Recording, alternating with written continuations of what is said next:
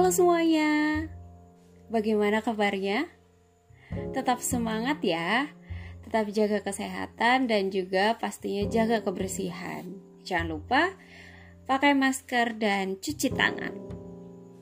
Nah, untuk pertemuan kali ini akan membahas materi yang sudah dijanjikan sebelumnya. Kita akan membahas materi Bahasa Indonesia di kelas 10 dan kelas 11 sekolah menengah atas. Nah, kali ini kita akan mempelajari tentang materi pertama di kelas 10. Apa itu materinya?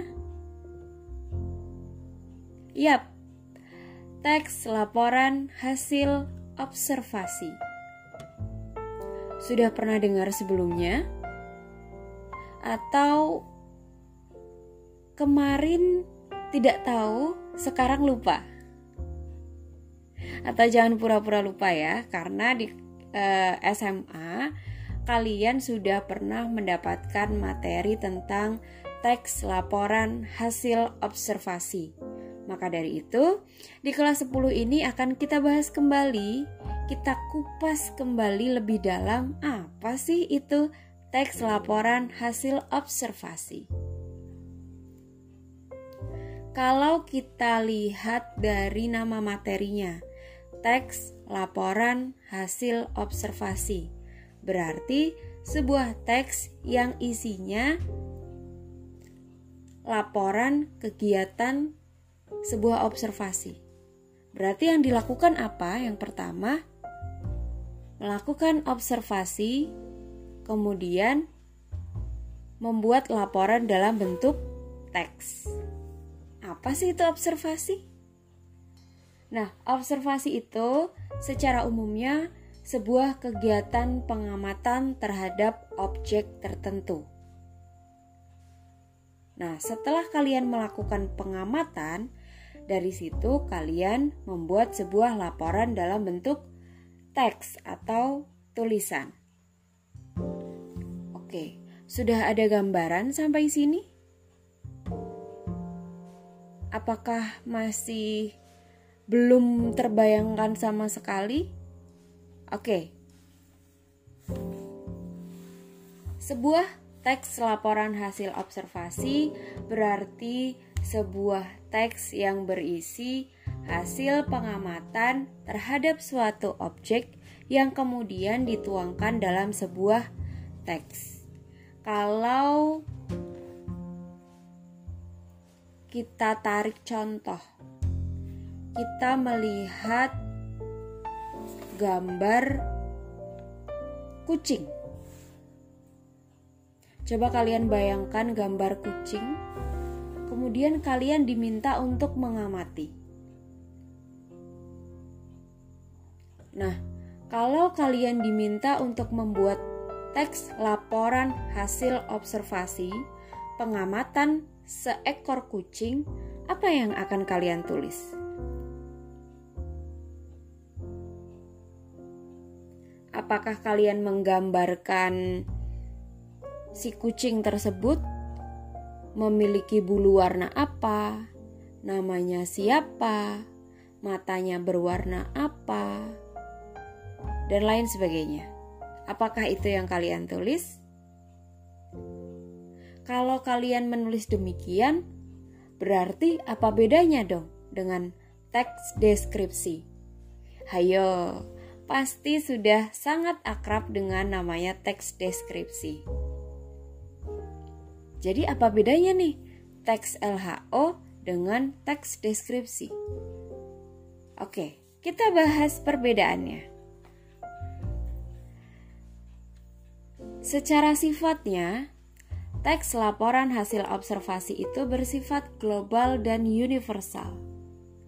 Kenapa sih sifatnya global dan universal?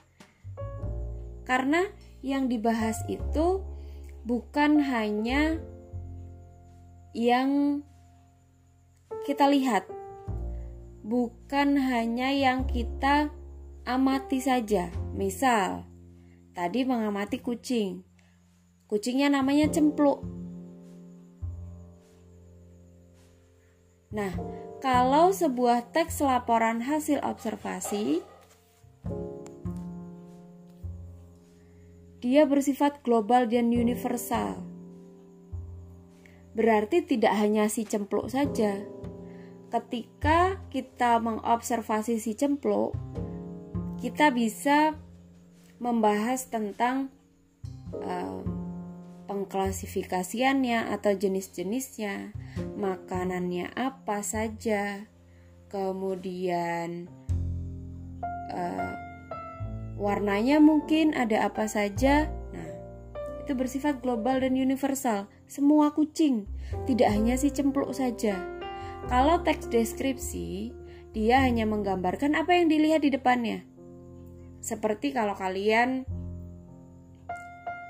pas SD nih diminta guru kalian untuk mendeskripsikan sebuah vas yang ditaruh di atas meja. Berarti kalian menjelaskan atau menguraikan apa yang ada atau bentuk dari vas tersebut. Oh, vasnya berbentuk seperti buah labu. Di dalamnya ada empat bunga matahari, tiga bunga petunia, dua bunga anggrek misal. Berarti itu yang ada di depan kal di depan kalian saja. Si vas bunga yang disiapkan sama guru kalian. Beda dengan teks laporan hasil observasi. Kalian mengobservasi, mengamati. Sebenarnya jenis-jenis vas itu apa saja sih bentuknya? Bisa diisi apa saja sih misal? Nah, gitu. Itu satu, bersifat global dan universal. Yang kedua, menekankan pada pengelompokan berbagai hal ke dalam suatu jenis sesuai dengan ciri-cirinya secara umum, seperti tadi yang Ibu jelaskan. Jadi, kalau teks laporan hasil observasi itu lebih ke pengklasifikasiannya atau pengelompokan. Kalau teks, teks deskripsi, kalian menjelaskan uraiannya, bentuk, ciri, keadaan suatu hal yang dideskripsikan pada waktu yang dan tempat tertentu. Jadi yang udah itu ini saja yang kalian lihat. Kalian tidak mengobservasi lagi bagaimana jenisnya, ciri-cirinya secara umum dan lain sebagainya. Hanya kalian lihat ciri-ciri yang ada di depan mata kalian. Itu teks deskripsi. Kemudian yang ketiga, saling berkaitan dengan hubungan berjenjang antara sebuah kelas dan subkelas yang ada di dalamnya. Kalau teks deskripsi, dia hanya berkaitan dengan hubungan antar antara keseluruhan dan bagian-bagiannya. Contohnya apa sih Bu? Ini masih bingung loh. Oke. Teks laporan hasil observasi sering disebut dengan teks klasifikasi. Karena apa? Teks tersebut memuat klasifikasi mengenai jenis sesuatu berdasarkan kriteria tertentu. Contohnya, kalian melakukan pengamatan terhadap hujan. Kalian dapat memulainya dengan membuat klasifikasi jenis hujan berdasarkan faktor penyebab terjadinya hujan tersebut. Kemudian, menjelaskan ciri-ciri dari masing-masing jenis hujan. Tuh, seperti gini. Hujan diklasifikasikan menjadi hujan siklonal, hujan orografis, muson, frontal, zenital, buatan. Kemudian kalian jelaskan di situ. Ini yang dinamakan pengklasifikasian. Sampai sini apakah sudah paham apa itu teks laporan hasil observasi? Jadi, secara intinya gini, teks laporan hasil observasi itu ada tiga yang harus kalian lakukan. Yang pertama adalah pengamatan, pencatatan, kemudian yang ketiga adalah mengembangkan menjadi sebuah teks. Apa sih, Bu? Kegiatan yang diamati itu sebenarnya apa? Ya kalian mengobservasi, mengumpulkan data, mengumpulkan informasi dari apa? Dari pengamatan langsung atau peninjauan secara cermat di lapangan atau lokasi pengamatan. Nah, setelah itu apa yang dilakukan? Mencatat setiap keadaan yang diamati. Jadi setelah mengamati, apakah kalian bisa langsung menjelaskan nanti? Tidak kan? Kita butuh catatan-catatan kecil yang kemudian ketika e, bagian terakhir adalah membuat laporannya dalam bentuk teks, kita memiliki e, materinya secara mentah yang akan kita kembangkan ke dalam sebuah teks seperti itu. Itu yang dinamakan teks laporan hasil observasi. Kalian bisa buat sendiri, kalian bisa merangkai sendiri kalimatnya seperti apa. Apa sih itu teks laporan hasil observasi? Bisa kalian lihat dari ciri-ciri teks yang sudah kita bahas tadi. Itu. Nah, ketika kalian melakukan sebuah observasi atau melakukan kegiatan observasi, ada aspek-aspek yang perlu diperhatikan oleh seorang pengamat. Seperti kalau kalian sedang melakukan observasi, kalau anak IPA nih, observasi terhadap kecambah misal. Atau anak IPS, observasi terhadap pembelian uh, barang di platform belanja online misal. Nah, yang perlu kalian ketahui, yang perlu kalian siapkan, yang pertama adalah menguasai topik permasalahan yang akan diobservasi. Jangan sampai kita tidak pernah tahu atau tidak tahu menau tentang sebenarnya apa sih yang mau aku bahas. Nah, yang kedua, memahami secara jelas tujuan observasi. Jangan sampai kita tidak tahu tujuannya. Sebenarnya kalian mau menjelaskan apa, mau melaporkan apa, mau memberikan informasi apa. Kemudian yang ketiga, membatasi permasalahan observasi secara tegas. Karena apa? Kalau tidak kita bah batasi, kita akan menjelaskan banyak hal yang intinya nanti tidak bermuara. Maka dari itu kita perlu membatasi permasalahan. Yang keempat, mencatat setiap permasalahan dengan runtut, terperinci, dan terarah. Kenapa harus melakukannya secara runtut, terperinci, dan terarah? Karena ini sebuah laporan ilmiah. Sebuah laporan ilmiah berarti harus ditulis secara objektif. Tidak boleh, kalau bahasa kalian nggak boleh ngadi-ngadi. Jadi harus sesuai dengan fakta yang ada. Setelah kalian uh, memperhatikan aspek-aspek sebelum melakukan kegiatan observasi tadi, langkah selanjutnya adalah melakukan kegiatan observasi. Ketika kalian melakukan kegiatan observasi, ada langkah-langkahnya. Yang pertama, menentukan tempat observasi. Ya enggak, masa kita mau observasi enggak tahu kita mau observasi di mana? Kan tidak mungkin. Kita harus menentukan tempat observasi secara jelas, rinci. Yang kedua, menentukan objek. Apa sih sebenarnya yang mau aku bahas? Yang mau aku uh, amati ini apa sih? Yang ketiga, mengetahui data yang diperlukan. Yang keempat, menentukan teknik pengumpulan data, dan yang terakhir, menentukan cara mencatat. Gitu. Itu yang dilakukan sebelum dan ketika kegiatan observasi. Nah, setelah kalian melakukan pengamatan atau observasi, hal terakhir adalah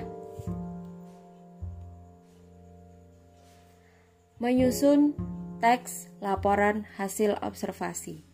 Yang perlu diingat, teks laporan hasil observasi itu memiliki tiga sifat. Tiga sifat utama dan yang terpenting. Yang pertama adalah informatif. Mengapa informatif? Karena tadi di awal tujuannya adalah memberikan informasi. Yang kedua, komunikatif. Komunikatif berarti antara pengamat yang membuat teks laporan hasil observasi dengan pembacanya itu ada sesuatu yang berkait, saling memahami. Maka dari itu diperlukan sebuah teks laporan hasil observasi yang komunikatif, yang mudah dipahami oleh pembacanya. Dan yang terakhir adalah objektif, mengenai keadaan sebenarnya tanpa dipengaruhi pendapat atau eh, pandangan pribadi atau kalian bisa sebut bukan subjektif, bukan pengama, bukan atas dasar emosi kalian, bukan atas dasar pikiran kalian atau pendapat kalian, tetapi di situ berdasarkan apa yang kalian amati. Itu yang dinamakan objektif. Sampai sini sudah paham? Nah, dari yang sudah dijelaskan tadi berarti kita bisa membayangkan nih, ciri-ciri teks laporan hasil observasi itu apa saja sih? Sudah mulai kita singgung tadi di awal-awal. Mulai dari objektivitas, global dan universal. Kemudian objek yang dibahas adalah objek tunggal. Kenapa e, tidak memiliki objek yang banyak? Karena kita mengamati satu bagian yang akan dilaporkan secara ilmiah. Kalau kalian me membahas banyak objek, takutnya uh, apa ya?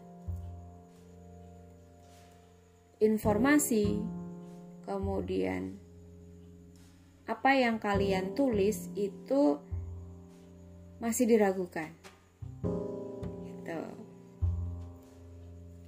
Kemudian ciri-ciri selanjutnya adalah informasi teks merupakan hasil penelitian terkini yang sudah terbukti kebenarannya. Tidak mengandung prasangka, dugaan, maupun kepemihakan. Seperti itu ciri-ciri dari laporan hasil observasi, teks laporan hasil observasi. Setelah ini, kita membahas tentang interpretasi, kemudian struktur teks, dan kaidah kebahasaan. Jangan lupa simak uh, podcast berikutnya ya. Jangan sampai tertinggal.